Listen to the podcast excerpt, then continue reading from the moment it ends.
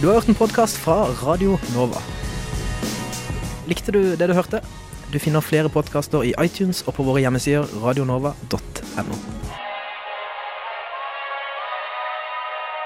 Hæ? Nei, jeg har seminar klokka åtte i morgen tidlig. Emneknagg studentliv, ass. Emneknagg. Ja, du vet den tingen du putter bakerst i posta dine på sosiale medier, så folk veit hva du prater om? En hashtag. Nei, nei, en emneknagg. En hashtag.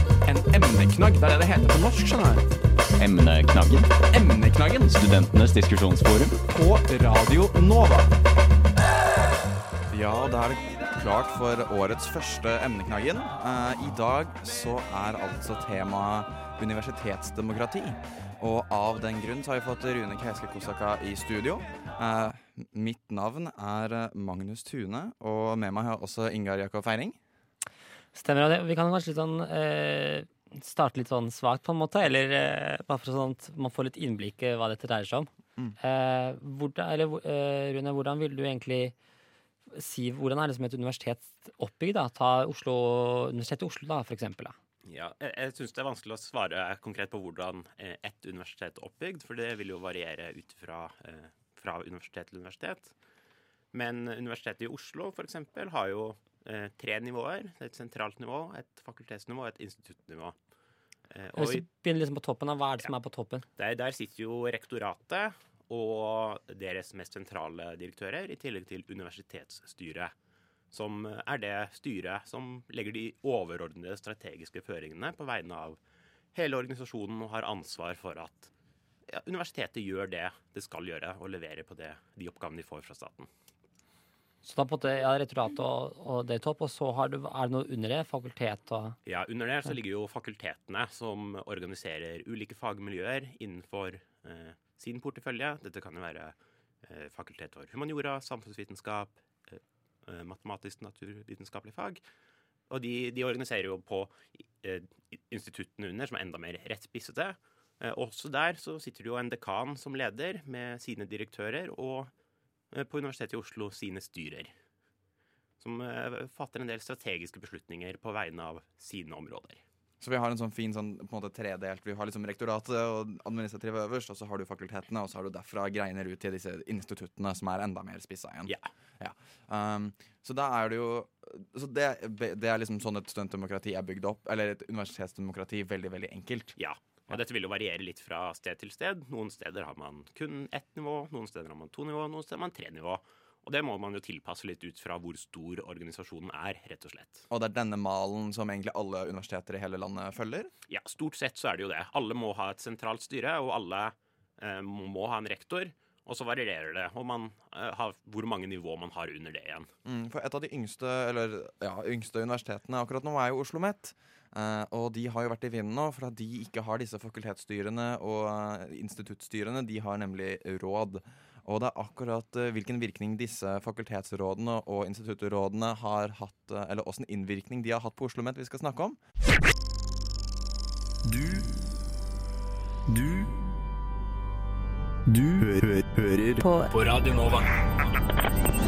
Og vi er tilbake på emneknaggen. Vi snakker om Oslo Met sitt universitetsdemokrati, og om det demokratiet fungerer.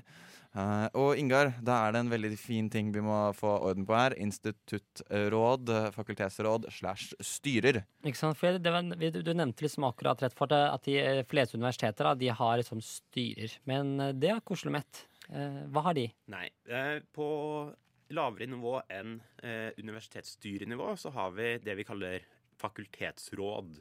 Dette er råd som er sammensatt av ansatte, studenter og eksterne aktører, på, samme måte som styrer kan være. Men den store forskjellen er at istedenfor å fatte formelle vedtak på vegne av fakultetet, så gir de sine innspill til dekanen, som er den personen som får lov til å fatte de formelle vedtakene. Og, og det er jo det den store diskusjonen har gått på. da, at Er det riktig at dekanen alene skal få lov til å fatte disse vedtakene? Eller skal den myndigheten ligge hos et partssammensatt styre? Ikke sant? Sånn det er liksom, eh, På Oslo Met så er det egentlig dekanen som måtte bestemmer. Ja, på, Ja. på fakultetet så er det dekanen nesten alene som fatter veldig mange beslutninger. Men, men altså, dette rådet det består ikke av representanter fra fakultetet, men outsourca representanter, for å si det sånn, da, som rådfører. Nei, altså De består jo av representanter fra fakultetet. De er valgt, eh, de er valgt helt demokratisk eh, blant de ansatte, blant studentene, og det er hentet inn eksterne representanter eh, fra de fagfeltene man berører. Ah. Men de har ikke den formelle myndigheten til å fatte vedtak og legge opp de strategiske beslutningene. Det er fortsatt opp til dekanen. Og det gjør jo så de- Det egentlig ikke gjør noen forskjell hva de anbefaler, all den tid dekanen selv avgjør det i siste omgang. Men jeg føler, det har ikke alltid eh, vært slik på Oslo OsloMet og tidligere Høgskolen i Oslo og Akershus. For i 2015, da var det annerledes. Ja, dette er jo noe som kom litt sånn overraskende på veldig mange. Fordi før 2015 så hadde vi jo også valgt rektor. At studenter og ansatte valgte hvem de skulle ha som rektor gjennom en demokratisk prosess. Og så gikk vi over til det som kalles enhetlig ledelse, der rektor er ansatt direkte av styret eh, og fungerer både som faglig og administrativ leder for hele organisasjonen, og ikke er styreleder. Samtidig som dette ble gjort, så gikk man bort fra fakultetsstyrer og gikk inn til fakultetsråd. Måten det ble gjort på, har det også vært en del eh, diskusjon rundt, fordi styret selv mente at de ikke hadde fattet det vedtaket konkret, men at det kom som en følge av et annet vedtak uten at alle styremedlemmene egentlig hadde forstått at det hadde blitt gjort. Men, men hva er liksom fordelene med et, et fakultetsråd framfor et fakultetsstyre? eh, hvis man ser det fra et administrativt standpunkt. Altså, Hva får man ut av et råd? Ja, eh, fordelen er jo at man har en tydeligere eh, linje. Dekanen svarer til eh, rektor og styre, og ikke til et, sty eh, ikke til et fakultetsstyre som eh, ikke er en del av den sentrale administrasjonen. Så, så det man håper, er jo at det skal gi mer effektive eh, linjer i organisasjonen, der beskjeder går eh, rett opp og ned, og ikke ut på fakultetene på den måten det har gjort eh, Eller det kan gjøre noen steder. Så det er en effektiviseringsprosess. Ja, blant annet så er det en effektiviseringsprosess og tydeliggjøring av eh, hvordan organisasjonen skal driftes.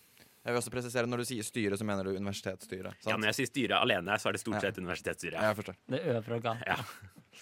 Eh, ja, for eh, Du var jo også selv til stede under denne rapporten 'Et spørsmål om universitetsdemokrati' eh, Oslo Met, som ble frem, eh, som fremlagt av By- og regionsforskningsinstituttet eh, ved nettopp Oslo Met.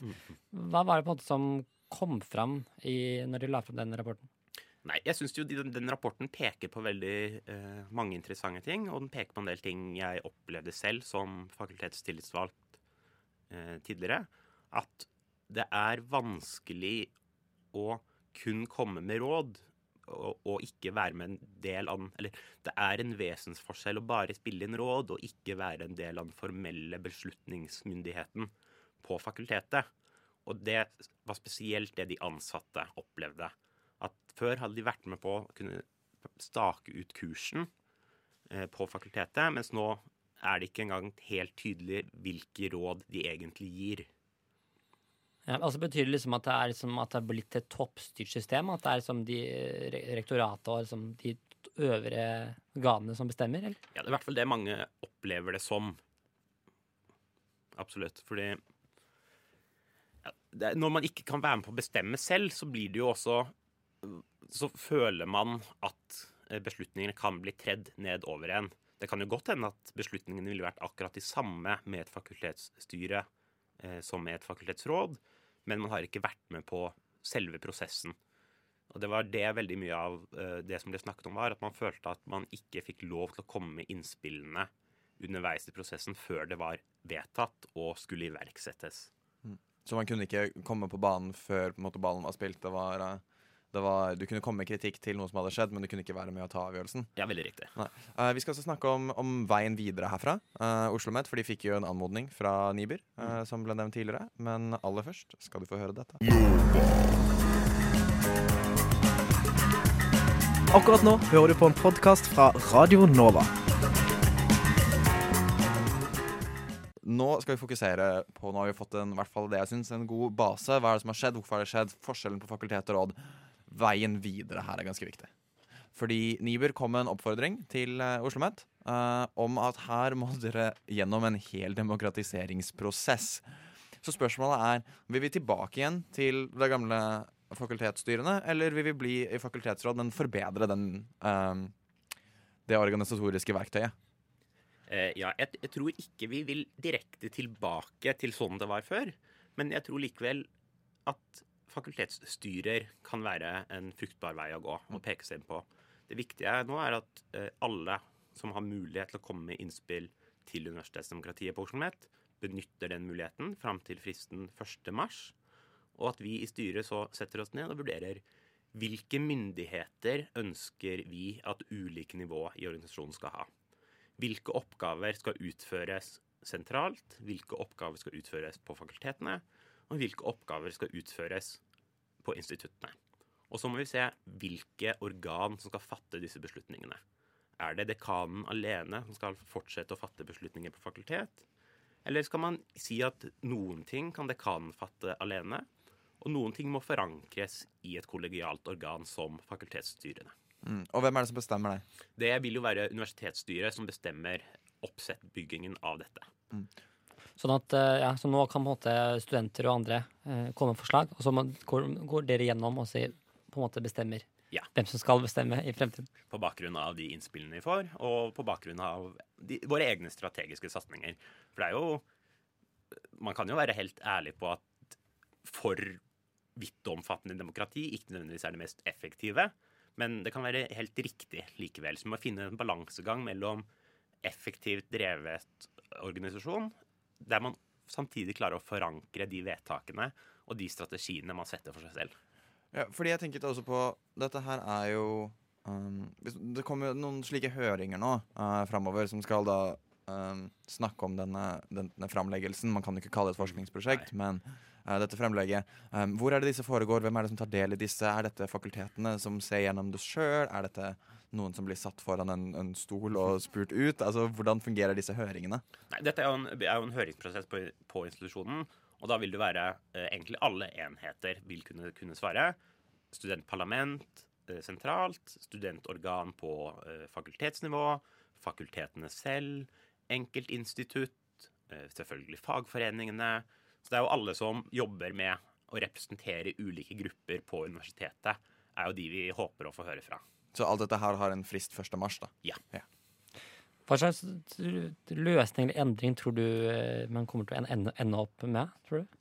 Er det vanskelig? Ja, vanskelig å si nøyaktig hvordan løsningen er. Men jeg tror det er en veldig viktig diskusjon å ha å finne ut hvordan man skal klare å forankre eh, ja, Forankre vedtakene og prosjektene som går, eh, går i denne organisasjonen, på en god måte.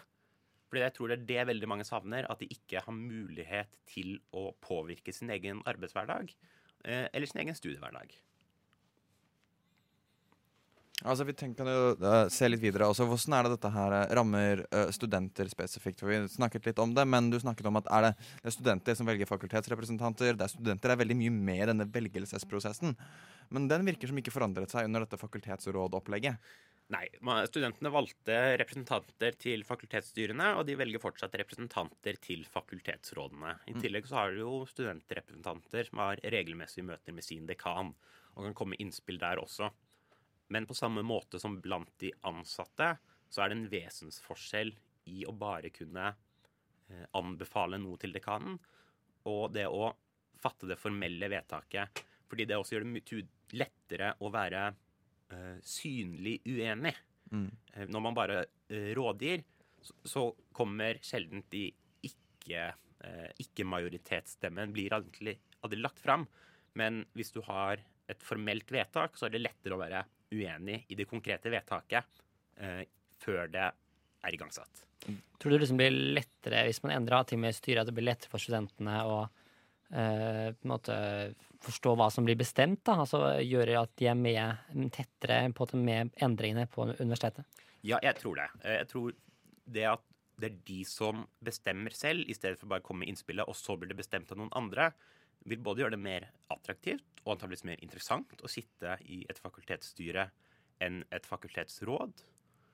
Og jeg tror det igjen vil gjøre så man kanskje får mer engasjerte studenter som er villige til å sette seg godt inn i sakene fordi det har en reell betydning hva som blir fattet. Den er grei. Um, vi skal snakke litt mer om studenters innvirkninger, men aller først dette.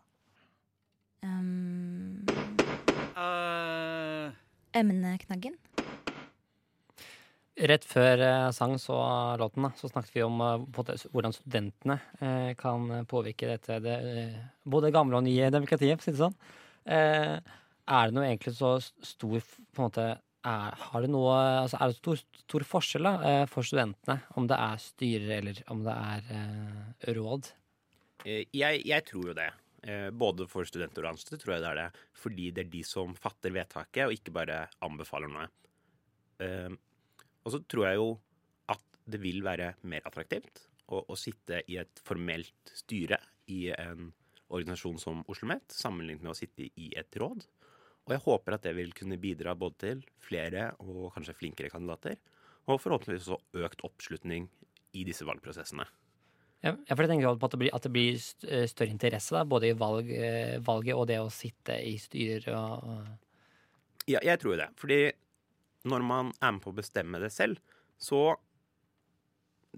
tror jeg man vil være, eh, ha en større interesse. Det vil bety mer hvem som sitter der. Fordi når det kun er rådførende, så kan jo dekanen også høre på hvem som helst ellers. Det er egentlig en vesensforskjell på et fakultetsråd og Oslo speiderkrets eh, i myndighet. Fordi han har lov til å velge hvem, hvilke stemmer han hører på. Men hvis det er et styre som fatter de beslutningene, så har det jo noe å si. Fordi i styret så sitter det jo studenter. Det er veldig viktig å påpeke at på fakultetsstyrene så sitter det studenter. Ja, det stemmer jo. Det er per nå tre studenter i, i hvert fakultetsstyre, eller råd, da. Sånn at, sånn at dette er med å likestille studentenes uh, stemme med de ansattes stemme, med å faktisk gi dem en fysisk stemme som de stemmer på og tar videre til dekanen. Helt riktig. Uh, den, det er jo en likestillingsprosess som er veldig viktig at studenter vet om. Mm -hmm. uh, hvorfor, hvorfor går dette så fort over hodene på mange studenter? Altså sånn, Jeg visste ikke om det før nå, jeg er journalist og skal følge med på dette her. Eh, hvorfor er ikke dette mer kjent? Ja, det, eh, det kan jeg sikkert ta litt på min egen kappe. Som tidligere leder av eh, studentparlamentet, så har jo jeg eh, sikkert hatt et slags ansvar for å sikre at denne informasjonen har kommet bredt ut. Og det kan godt hende verken jeg eller de som sitter nå, eller satt før meg, har vært flinke nok til det. Men jeg tror jo det er at universitetet også har et ansvar med å formidle hvilke organer som beslutter ting, og hvordan studenter har mulighet til å komme med innspill til disse prosessene. Ja, for jeg tenker, altså, vi har jo på en måte lest rapporten, og vi har liksom prøvd å, å, å lese opp på en måte hvordan, eh, hvordan strukturen er, og, og, og det er på en måte ganske mange komplekse strukturer, eller kan det være det? Ja, absolutt. Altså, Oslo Met, som alle andre universitet, er jo en ekstremt kompleks organisasjon. Det er 20 000 studenter, det er 2500 ansatte, eh, mange ulike meninger, basert på hvem du prater med. Så det er jo vanskelig å si eh, dette er den optimale løsningen for absolutt alle. Og derfor er man jo nødt til å ta en del sånn eh, prinsipielle verdivalg i disse prosessene også. Eh, ja, og så, og så vil jeg jo legge, selvfølgelig legge til, eh, selv om man, man snakker om dette nå, hvis man leser eh, universitetssøknaden, eller eh, svaret man fikk der, så er studentene fremhevet som veldig heldige på Oslo Met. Vi, har- vi har veldig stor påvirkning på de uformelle kanalene, eh, sammenlignet med veldig mange andre universitet. Så jeg tror jo at vi er på riktig vei. Vi må bare vurdere litt hvilke steder man skal ha mulighet til å komme med innspill i tillegg. Det er uh, Vi begynner å gå mot veis ende her. Uh, jeg vil bare til slutt sånn Vi håper at Oslo OsloMet tar til seg den kritikken de har fått. Jeg Kanskje de kan jo- ta litt tran? Ja, de, det- de, var jo, de får ta seg litt ekstra Møllers tran. Det er noe vi kan snakke om en annen gang. Men um, de har fått en oppfordring. Under, altså En demokratiseringsprosess er nødvendig. Uh, det antar jeg at studentene også er med på, siden dette er med å eh, likestille studentene. Uh, vi går mot veis ende her i emneknaggen. Uh, jeg har vært Magnus Tune, som har vært tekniker. Med meg har jeg hatt med meg Inga takk og feiring. Uh, og vår eh, herlige skal man si, studentekspert eh, Rune Keiske Kosaka. Jo, takk. Uh, er det noe du vil si før vi, før vi runder av? Nei, jeg tror ikke egentlig ikke det. Jeg, bare, jeg er veldig glad for at denne rapporten har kommet, og jeg gleder meg veldig til å lese høringssvarene og finne ut hvordan vi kan ja, styrke universitetsdemokratiet. da, For det er en styrke både for oss selv og for samfunnet rundt oss. Vi skal sikkert snakke om dette her mer i Emneknaggen, og også på Studentnyhetene, som du hører fra 11 til 12 på fredag. Podkasten vår finner du på soundcloud.com slash studentnyhetene, eller der du eh, finner podkast. Som vanlig så tar 612 for alltid av 612 deg med ut i eh, kvelden. Eh, takk for oss.